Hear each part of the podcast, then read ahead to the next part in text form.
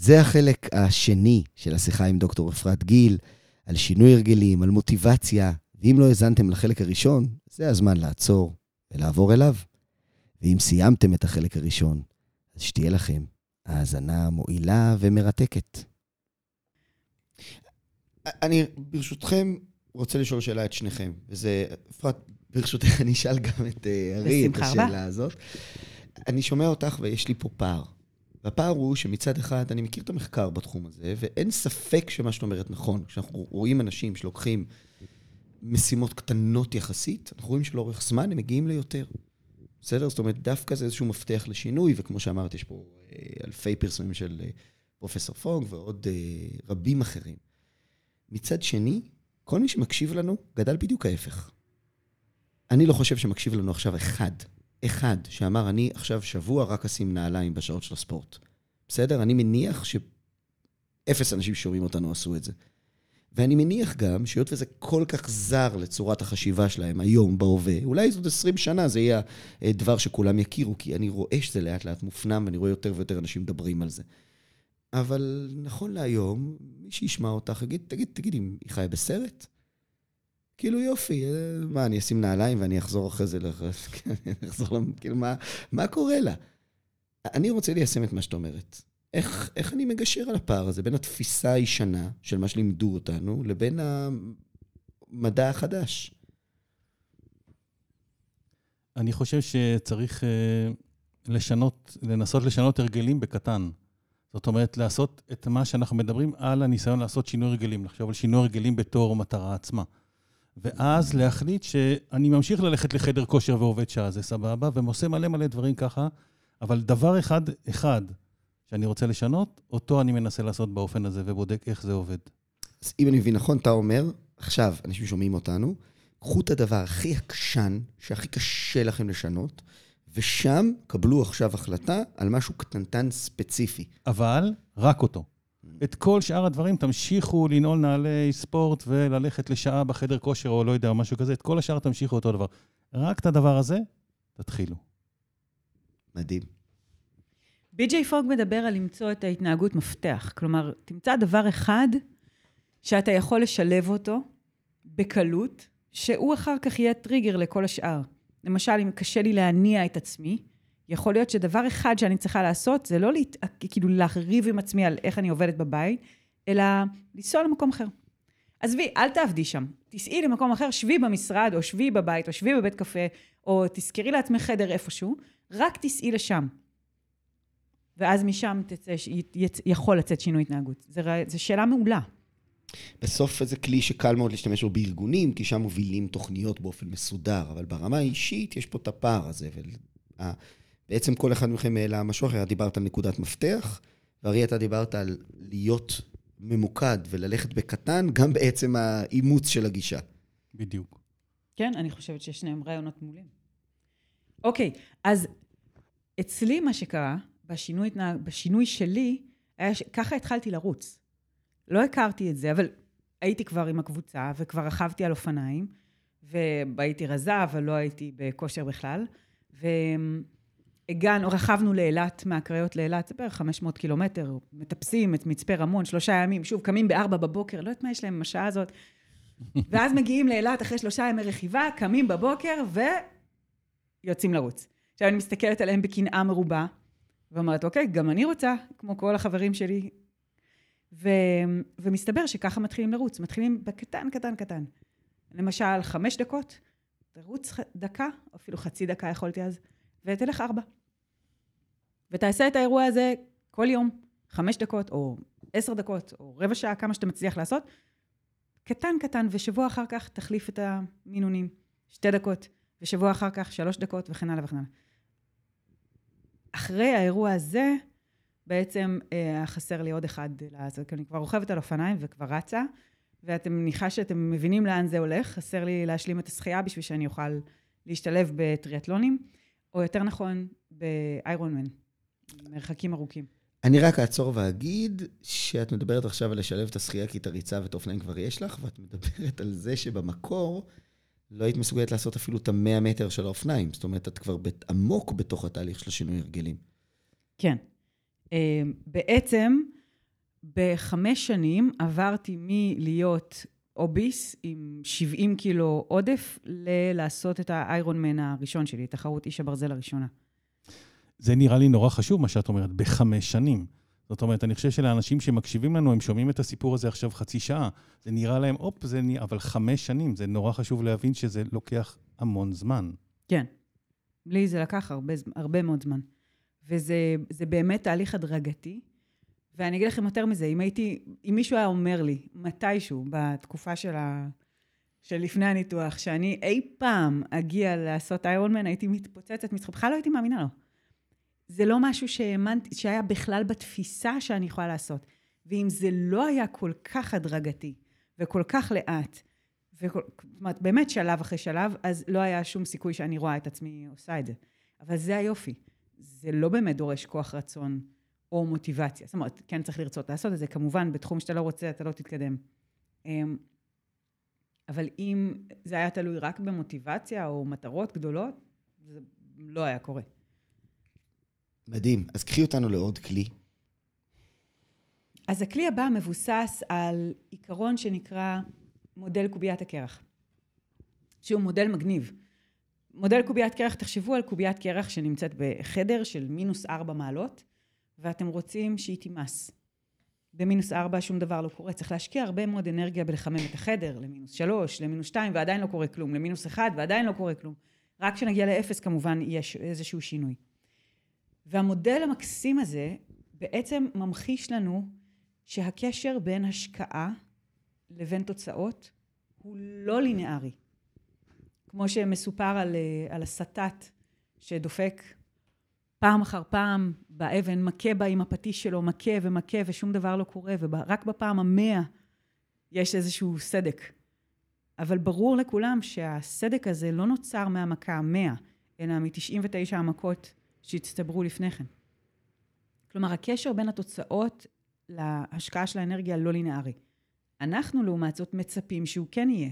מצפים בטעות. אז אנחנו הולכים לחדר כושר שבוע, שבועיים, או עושים איזושהי פעילות גופנית ומתאמצים מאוד, ואחרי חודש רואים ששום דבר לא זז. או מנסים שיטה חדשה ל... לירידה במשקל ורואים ששום דבר לא זז, או מנסים להציב גבולות עם הילדים, או לשפר את הזוגיות, או להתמודד עם הדחיינות שלנו בעבודה, ושום דבר לא זז, ומשקיעים אנרגיה וקוראים ספרים, והולכים לקורסים ומתייעצים, והולכים לטיפול זוגי, ועדיין שום דבר לא זז. ומה שאנחנו בעצם לא זוכרים באותה נקודת זמן זה את הקשר הלא לינארי הזה. וכאן אה, אני נזכרת במנהל ש... אני, כשאני עושה קורסים למנהלים, אז הם באים להתייעץ איתי הרבה פעמים גם אחרי, על דברים אישיים. ומנהל שבא לדבר איתי ואמר לי שהוא כבר בטיפול זוגי חצי שנה, וניסה המון דברים בשביל לשפר את הקשר בזוגיות, ושום דבר לא עבד. הוא אמר לי, תקשיבי, אני, אני קרוב לשבירה, אני, די, אני מרים ידיים. זה היה נורא, חו... נורא כאב לי לשמוע את זה עם שלושה ילדים קטנים, אה, להגיע למצב הזה של גירושים. זאת אומרת, שזה בסדר כשצריך, אבל אם אפשר למנוע את זה, אז חבל.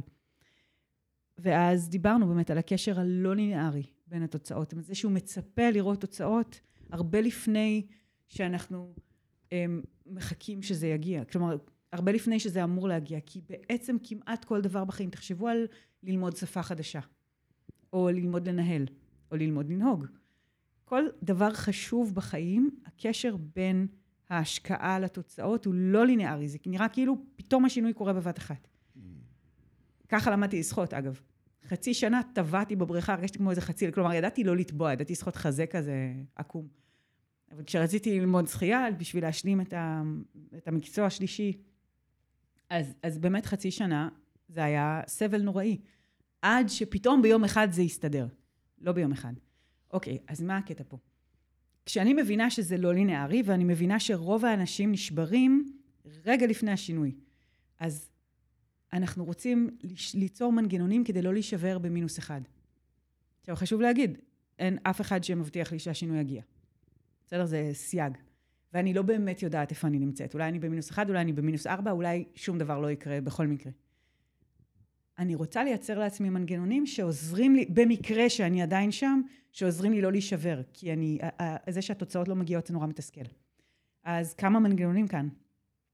אחד, הכי טוב, פולו-אפ. פולו-אפ, מישהו שיבדוק איתי ש, שבאמת אני עושה את מה שצריך לעשות. למשל, תחשבו על המודל העסקי של שומרי משקל וכל אלה. למה אני צריכה שמישהו ישקול אותי? כאילו מה, אני לא יכולה לקנות משקל ב-50 שקל ולשקול את עצמי? זה לא הקטע.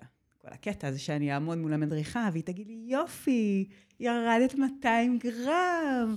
ואז אנחנו נשב כולם ביחד, כל אחד יספר. זה בסדר, זה לא השיטות תזונה, זה הפולו-אפ, זה, זה עיקר הכוח של זה. אמ, אלכוהוליסטים אנונימיים וכל אלה, הם מציגים את זה מאוד מאוד חזק. פולו-אפ זה, זה מנהל טוב, זה מה שהוא עושה בארגון. הוא בודק שהעבודה בוצעה. הכוח הזה, אם אני רוצה לשנות משהו, אני יכולה לקבוע עם קולגה, עם חבר, עם קולגה, כאילו, עם הבוס שלי שיעקוב אחרי הדבר הזה, ולפעמים אפשר לשלם למישהו אחר, כמו מאמן כושר, כמו לשלם לקבוצת תמיכה כזאת, אה, בשביל שיבדקו שבאמת עשיתי את מה שצריך. אגב, זה לא נזיפה.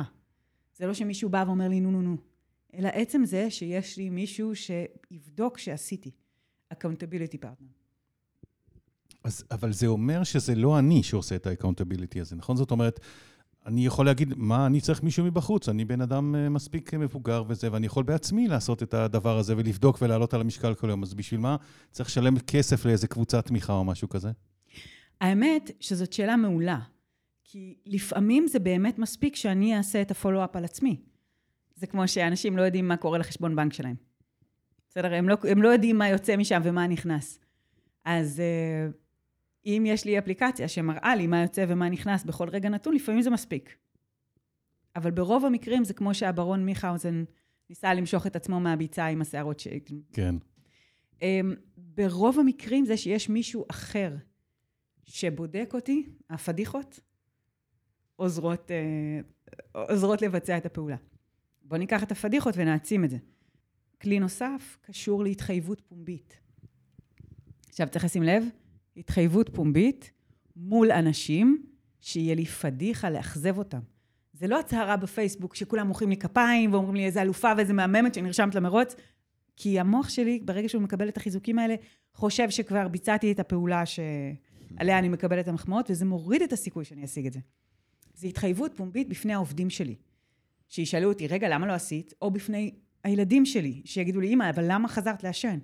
או הכי חזק, בפני חמותי, לרוב האנשים זה הכי חזק, כי זה באמת, באמת נורא מביך. אמ, הידיעה שיש אנשים שיבדקו אותי ואולי אפילו קצת ישמחו אם אני לא אצליח, או שיבואו אליי בטענות אם אני לא אצליח, הרבה פעמים מניעה אנשים אה, לבצע ולהמשיך, גם כשהם לא רואים עדיין תוצאות. את יודעת מה שאת אומרת על משתלב, שתי הכלים האחרונים שנתת, נתת גם כלי על הנושא של פולו-אפ. ואיך אני מבצע פולו-אפ, ודיברת גם על המקום הזה של מול מי אני עושה את הפולו-אפ. מי הבן אדם שמולו צריך לעשות. ואני אגיד בהקשר הזה, אמ, אחד המחקרים שנעשו, נדמה לי שריצ'רד באך עשה את זה, הוא בדק אפקטיביות של משוב של מנהלים. מה גורם לזה שלמנהלים יש אה, משוב אפקטיבי, וגם פה יש איזשהו מיתוס כל כך כל כך מקובל, והמיתוס הזה אומר שאם אני בא לעובדים ואני מעביר להם משוב, ואני אומר להם מה להשתפר, אז הם ישתפרו. והוא הולך ועושה מחקר מאוד רחב על אה, אה, אפקטיביות של משוב בארגונים, ובסופו של דבר, אמ, הוא מגיע לתוצאה שהיא בדיוק הפוכה למיתוס. ואגב, שוב, הממצא שלו זה ממצא מתוך שורה של ממצאים, שמשוב שנתי או חצי שנתי לא מסייע לשנות התנהגות. אני תמיד אומר בארגונים, תשנו את הדיסקט, תגידו הערכה, סבבה. אין בעיה להגיד הערכה, אבל אל תגידו משוב. כי אתם לא באמת מעבירים משוב. ואם אני, עובד שלי מופתע אחרי חצי שנה מהמשוב שהוא מקבל, אז משהו לא בסדר. אבל הוא מצא משוב שכן היה אפקטיבי, וזה בדיוק הכלי שאת דיברת עליו. הוא מצא שמנהלים, שמדברים עם עובד, על איזשהו דבר שהם רוצים שהוא ישנה, פעם בשבוע, לבין שלוש לחמש דקות, זה היה מאוד אפקטיבי, באחוזים מאוד גבוהים, בשינוי של ההתנהגות. זאת אומרת, הפולו-אפ הקצר, הממוקד, החד, יש לו ערך הרבה יותר גבוה מכל מיני משובים והסברים נורא מפורטים שאנחנו נותנים לעובדים, לילדים, לבני בנות זוג. זה כלי שאנחנו ממש רואים את היכולת שלו לשנות דברים במציאות. מצוין, כן, ממש נכון, זה בדיוק זה. וכמובן שזה לא כלים שאני המצאתי, זה אנשים אה, חכמים וטובים ממני שחקרו ובדקו לאורך זמן, אני רק uh, נהנית מהפירות של זה. אני חושב שאני מתבלבל וזה לא ריצ'רד באך. אני חושבת גם. ריצ'רד באך זה שם של סופר שכתב את השחר. נכון, נכון, נכון, נכון. על מי אני מדבר? אבל אני לא זוכרת כרגע את השם עכשיו השקיע אותי שאני לא זוכר. יונתן לוינגסטון כן. השחף. נכון. אוקיי. אה, אני- אזכר עוד מה איזה שעה מרשל- ואני אתבאס שלא אמרתי את זה מרשל כאן. גולדסמית מזכיר את זה בספר מרשל שלו. גולדסמית, או, תודה רבה. כן. הוא מספר על תהליך שהוא עשה שם. יפה, ידעתי שאת תגידי לי מה היה- מי השם של מי שכתב את זה. מרשל אה, גולדסמית, ספר נכון. נהדר, מה שהביא אותך לכאן. תודה לך על התיקון. בשמחה. כלי נוסף שחזק בצורה בלתי רגילה, אז הפולו-אפ עוזר מאוד, וגם אה, כלי נוסף שעובד בצורה בלתי רגילה ומשתלב מצוין עם הפולו-אפ, אה, נקרא אה, implementation intention, או אני אוהבת לקרוא לו מה, מתי ואיפה. כשהרעיון הוא כאן פשוט. שאלו אנשים אם הם רוצים לעשות ספורט, והם אמרו כן, עושים? לא. אוקיי, אז נבדוק אתכם בעוד שבועיים. כמה אחוז מהאנשים עכשיו עשו ספורט בשבועיים האלה? אפס. זה קהלת, מה שהיה הוא שיהיה.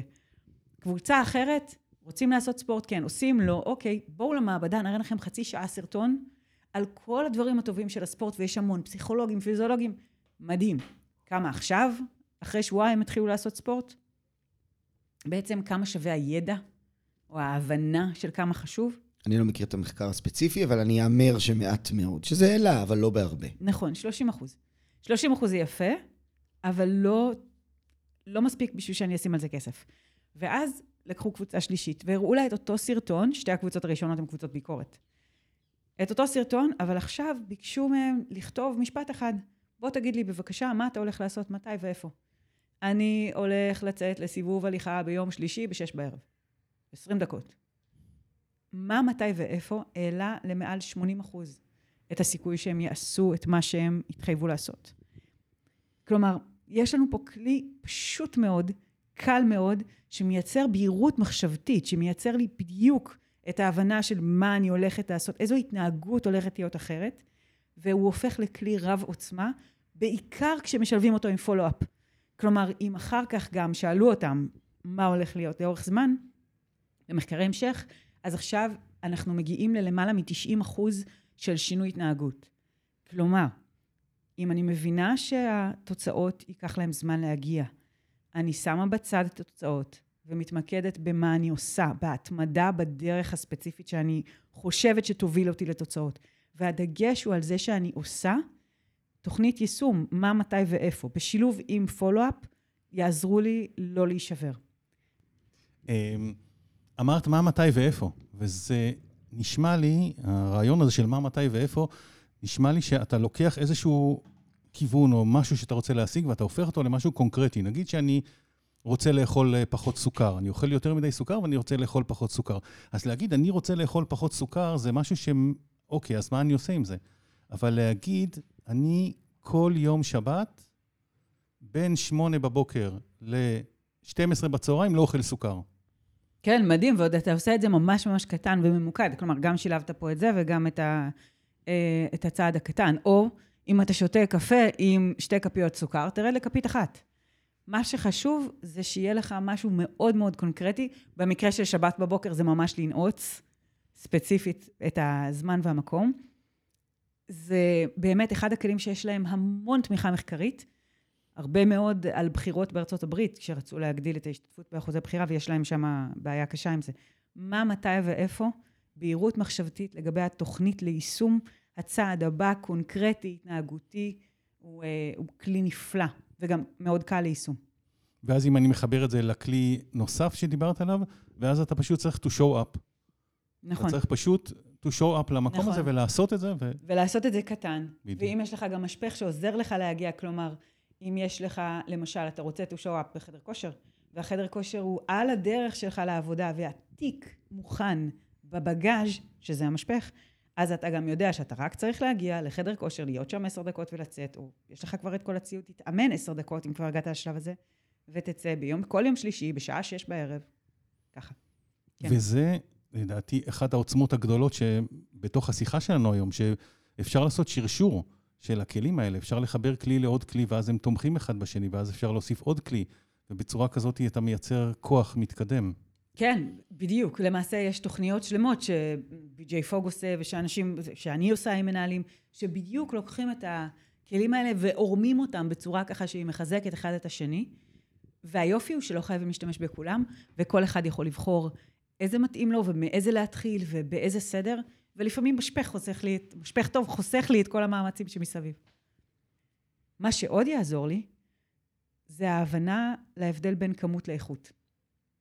זה מחקר שנעשה בפקולטה לצילום, אה, שבו אחד המרצים שאל, אה, זאת אומרת, החליט לערוך ניסוי עם הסטודנטים. הוא לקח כיתה שלמה, נגיד 100 סטודנטים, חילק אותם לחצי, ואמר לחצי מהסטודנטים, אתם תקבלו ציון לפי מספר התמונות שתגישו לי במהלך הסמסטר.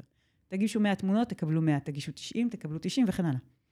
לחצי השני הוא אמר, תקשיבו, אתם תקבלו ציון לפי האיכות של פרויקט אחד, תמונה אחת שתצטרכו להגיש כל הסמסטר, והאיכות של התמונה שתתאמצו ותגישו, היא זאת שתקבע את הציון שלכם. סוף הסמסטר אוסף את כל התמונות, נותן אותן לשופטים חיצוניים שלא מכירים את הניסוי, והם מתבקשים לדרג מהן התמונות הטובות ביותר לפי פרמטרים של צילום.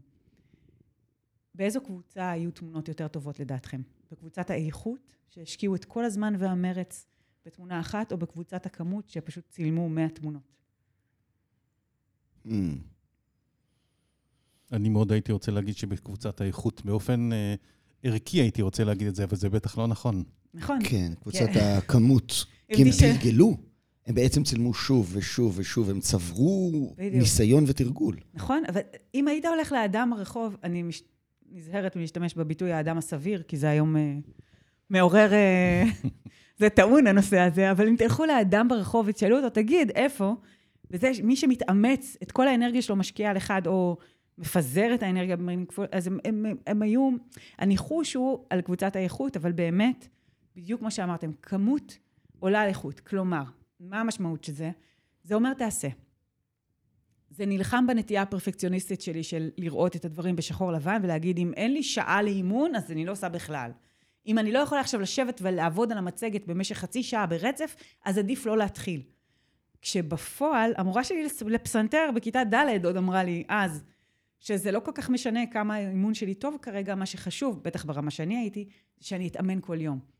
מאיר אריאל, תעזבנו יום, יעזבקה יומיים. Mm-hmm. על אותו רעיון, כלומר, כמות מנצחת איכות. לעשות קצת עדיף מלא לעשות כלום.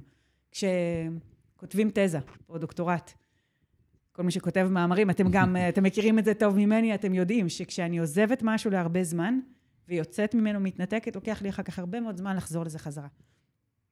ואפילו סיפר לי אחד המנהלים שהיה בישיבת הסדר, וכשהוא סיים את הפרק של הישיבה והתגייס לצבא, הוא התחייב לקרוא כל יום פרק תהילים. אמר לו הרב שהנחה אותו, עזוב, פרק זה המון, תקרא שורה. והרעיון הזה, שבאמת, מה שחשוב, מה שמייצר את ההתמדה לאורך זמן, שתוביל אותי לתוצאות, זאת ההבנה שאני צריכה to show up. וודי אלן אמר ש-to show up, להגיע לאודישן, עושה לך את רוב היכולת להצליח, את רוב המנבא להצלחה. אז תראו, כבר רכבתי על אופניים, וכבר ידעתי לרוץ, ושחיתי, וכל, זאת אומרת, היו הרבה מאוד אנשים מסביבי שעשו תחרויות, תחרויות איש ברזל, תחרויות של חצי איש ברזל, מרחקים מאוד ארוכים. וכשכל האנשים מסביבי עשו את זה, אז אני רציתי גם. והסתכלתי עליהם ואמרתי, אוקיי, אולי גם אני יכולה. וזה כלי נוסף. הסביבה החברתית מדבקת. אם אני רוצה לשנות הרגלים בכיוון חיובי, כדאי שאני אסתובב עם אנשים שיש להם את ההרגל לעשות את מה שאני רוצה לעשות. Hmm. למשל, אם אני רוצה להתנהל נכון עם כסף, אז אפשר להצטרף לקבוצת פייסבוק שמדברים על כסף, או לחוג חברתי שמתעסקים עם זה, או לקורס שמלמד השקעות. כי זה לא כל כך חשוב אם אני אשקיע או לא אשקיע, אני רוצה להיות בחברת אנשים שמתעסקים בחיסכון והתנהלות כלכלית נכונה. אם אני רוצה לעשות ספורט, הכוח של הקבוצות במידה רבה קשור לזה שיש עוד אנשים מסביבי ועוד חברים ועוד כאלה שעושים את מה שאני עושה, ואני לומדת מהם תוך כדי חיקוי איך להתנהל נכון. זה אגב, כל הכלים שדיברנו עליהם, וגם הכלי של עיצוב הסביבה החברתית, עובדים גם לשינוי הרגלים לכיוון השלילי. איך ילדים מתחילים לעשן? כי החברים שלהם מעשנים. יש אגב מחקר שמראה השפעה מטורפת על... מחקר שמנבא את ה-IQ של הילד שלך בגיל 18 לפי ה-IQ של הילדים, של החברים שלו בגיל 11. כלומר, חברים, תסתכלו על החברים בכיתה ה', כיתה ו', מי האנשים שהוא מסתובב איתם? זה מנבא את ה-IQ שלו בגיל 18. למה? כי אם החברות של הבת שלך, עם כל הפקצות האלה, שרק מסתכלות כל היום בטיקטוק ועושות פרצופים מול המראה, אז זה מה שהיא תתעסק. וזה לא מוביל להתפתחות קוגניטיבית. אם לעומת זאת החברות של הבת שלך הן ילדות מדהימות שחוקרות ולומדות וקוראות ומתעסקות ב-D&D, מחשבים, או מה שזה גורם להתפתחות קוגניטיבית, אז אלה החברות שיהיו לה. אם החברים של הבן שלך הם ספורטאים, אז הסיכוי שהוא יעשן יורד. את יודעת, אני, אני, מה שאת אומרת כל כך מתחבר לי לדוגמאות שאני רואה כל הזמן בשטח. יש uh, חבר טוב שרצה מאוד להתקדם, וראה שהוא תקוע, הוא תקוע בדרגה. באיזשהו משרד ממשלתי מאוד חשוב, ואמרתי לו, תתחיל לגשת למכרזים. הוא אמר לי, אבל זה לא רלוונטי. אני לא... זה מכרזים שברור לי שהם תפורים, אין, אין מצב שאני יכול לקחת אותם, כאילו, זה ברור. אמרתי לו, זה לא משנה. א', אתה יוצר תפיסה סביבך, שאתה אחד שניגש, שרוצה להתקדם, וב', כל סוף מכרז, דבר איתי, ונראה מה היית יכול לעשות יותר טוב. גם אם המכרז תפור, תהיה זה שקיבל את הציון הכי גבוה בתוך המכרז. עכשיו, מה שקרה, שנה וחצי לאחר מכן, הוא זכה באחד המכרזים. כי היה לו לפני זה עוד איזה ארבעה מכרזים שהוא כל פעם תרגל איך בעצם לגשת למכרז. עכשיו, אותה דוגמה, הייתה מישהי שאני מכיר, שיצאה לדייטים אחרי שהיא התגרשה. וכל פעם היינו יוצאים, היינו אומרים תקשיבי, הוא בחור טוב, הוא בחור על הפנים, זה לא משנה. את אומרת את הלא, ואת יוצאת מהדייט, את רושמת רשימה מה לשפר פעם הבאה, כדי שהלא יהיה אצלך ולא אצלו. זאת אומרת, זה בדיוק מה שאת אומרת. שואה, פה פשוט תעשה, תעשה, תעשה, תעשה, ומתוך העשייה, הדבר הזה משתפר. איזה מזל שיש להם, שאתה חבר שלהם ככה. זה עצות מדהימות, באמת, זה פשוט אה, יוצא דופן. אבל אני חושב, אפרת, שעד עכשיו את לא גילית למאזינים, וזה לא הוגן. משהו מאוד קריטי. שממצב הזה שהיית בחוסר משקל, בעודף משקל קיצוני, מורביד ליוביס, וממצב שהיית בעצם אה, אה, אה, שונאת ספורט קיצונית, את עשית אה, איירון מן, נכון? כן. אז סיפרתי שלקח לי חמש שנים מנקודה הזאת לאיירון מן הראשון שלי. ושהפכתי בעצם... שימו לב למילה הראשון. הראשון. שהושחלה פה באופן ככה, כאילו כלום, שטויות, פעם ראשונה, בקטנה. ושמה שחשוב בעיניי, איירון מן הוא כמובן אה, משל. הוא משל לכל שינוי התנהגות שנרצה לעשות.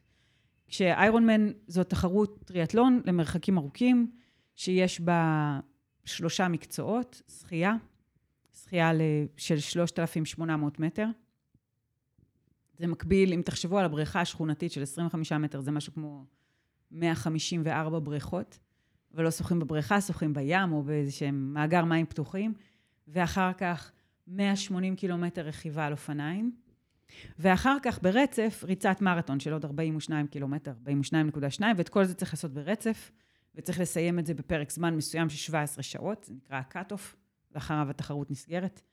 ו... אמ, 17 שעות של ספורט בלי הפסקה. כן. פשוט וזה... אי אפשר לדמיין את הדבר הזה. ומאחר ואני שוחה לאט ורוכבת לאט ורצה לאט, אז באמת לקח לי 17 שעות לעשות את זה.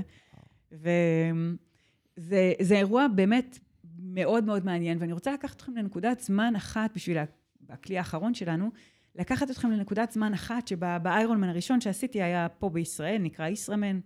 זאת אחת מהתחרויות אה, הכי קשות בעולם, מכל 200 המקצים שקיימים בעולם, הישראמן הוא אחת מהעשר הכי קשות, כי תנאי השטח והרוחות, התוואי שמטפסים את כביש 12 ויש שם טיפוס מצטבר שהוא בערך כמו לטפס פעמיים את החרמון. ובאותה שנה, כשזינקנו למים בשעה שש בבוקר, אמ, היו, היה גם נורא קר.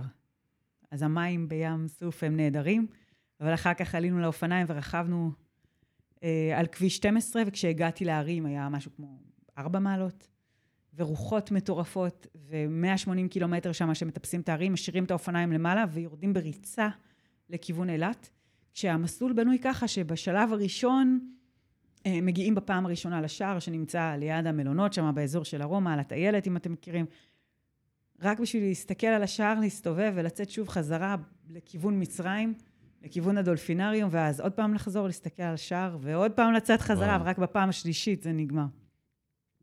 עכשיו, באותה נקודת זמן, אני אחרי 15 שעות של פעילות, שעתיים לפני סיום התחרות. מגיעה בפעם הראשונה לשער, שזה בערך, זאת אומרת, כמעט 4 קילומטר שחייה, 180 קילומטר רכיבה, וחצי מרתון, 21 קילומטר. עכשיו אני פוגשת את המאמן שלי ששואל אותי, את בסדר? ואני אומרת לו, לא. כי באותה נקודת זמן אני כבר ממש מותשת, באמת, כל, איבר בגוף שלי כואב, כלומר אלה שלא קפאו מקור. תשע בערב, קור מוות. נתפס לי שריר ברגל, אני צולעת, הולכת, צולעת, הולכת. יש לי בחילה מרוב אוכל שאוכלים במהלך התחרות. אבל הכי גרוע, אני לבד. אני לבד כי מעט מאוד אנשים עושים את התחרות במרחק המלא שלה. הרוב uh, עושים שם uh, חצי, כי זה באמת תוואי נורא נורא קשה. וגם אני אחת האחרונות, והמעודדים כבר הלכו קר מאוד. אפילו האנשים שמחלקים מים בתחנות, השאירו לנו פשוט את המים והלכו. כי כמעט אין אנשים ונורא קר, ואני ממש לבד.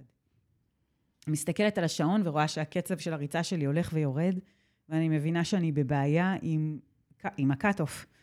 ויכול להיות שאני אגיע וכבר uh, תיגמר התחרות, ויסגרו את השער ואני אשאר לבד, זהו, כי אחרי שנה, כאילו, שנה של אימונים והכל הולך לפח. ואני זוכרת את הייאוש ואת המחשבות שלי בראש. ועבר שם איזה אילתי, והסתכל ואמר לי, מה, אתם עדיין פה מהבוקר? מה, אין לכם מה לעשות? ואני בראש אומרת לעצמי, נכון, הוא צודק, מה אני צריכה את זה? ו- ו- ובשביל מה? ואין שום סיכוי.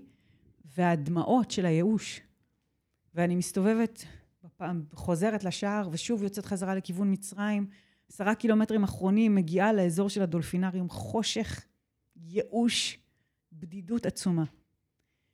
ואז שמעתי קולות. אבל בהתחלה לא הבנתי בכלל מה אני שומעת, זה כזה, זה חוויה כזאת של טשטוש. ואז קלטתי שני חברים שרצים לכיווני, אחת מהם צועקת לי, לעולם לא תרוצי לבד. והדמעות של הייאוש מתחלפות בדמעות של תקווה. וכאן אני רוצה לעצור בשביל הכלי, בעיניי אחד החזקים. אנחנו לא לבד בעולם. אנחנו לא לבד בעולם, זה אומר שיש תמיד אנשים, כמעט בכל דבר שנרצה לעשות, יש אנשים שיוכלו לעזור לנו להגיע לשם. מי החברים שלכם?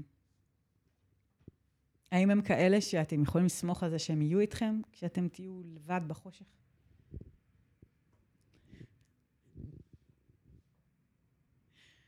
ואז אה, באמת אה, קו הסיום שם היה חגיגה אחת גדולה, מרגש נורא.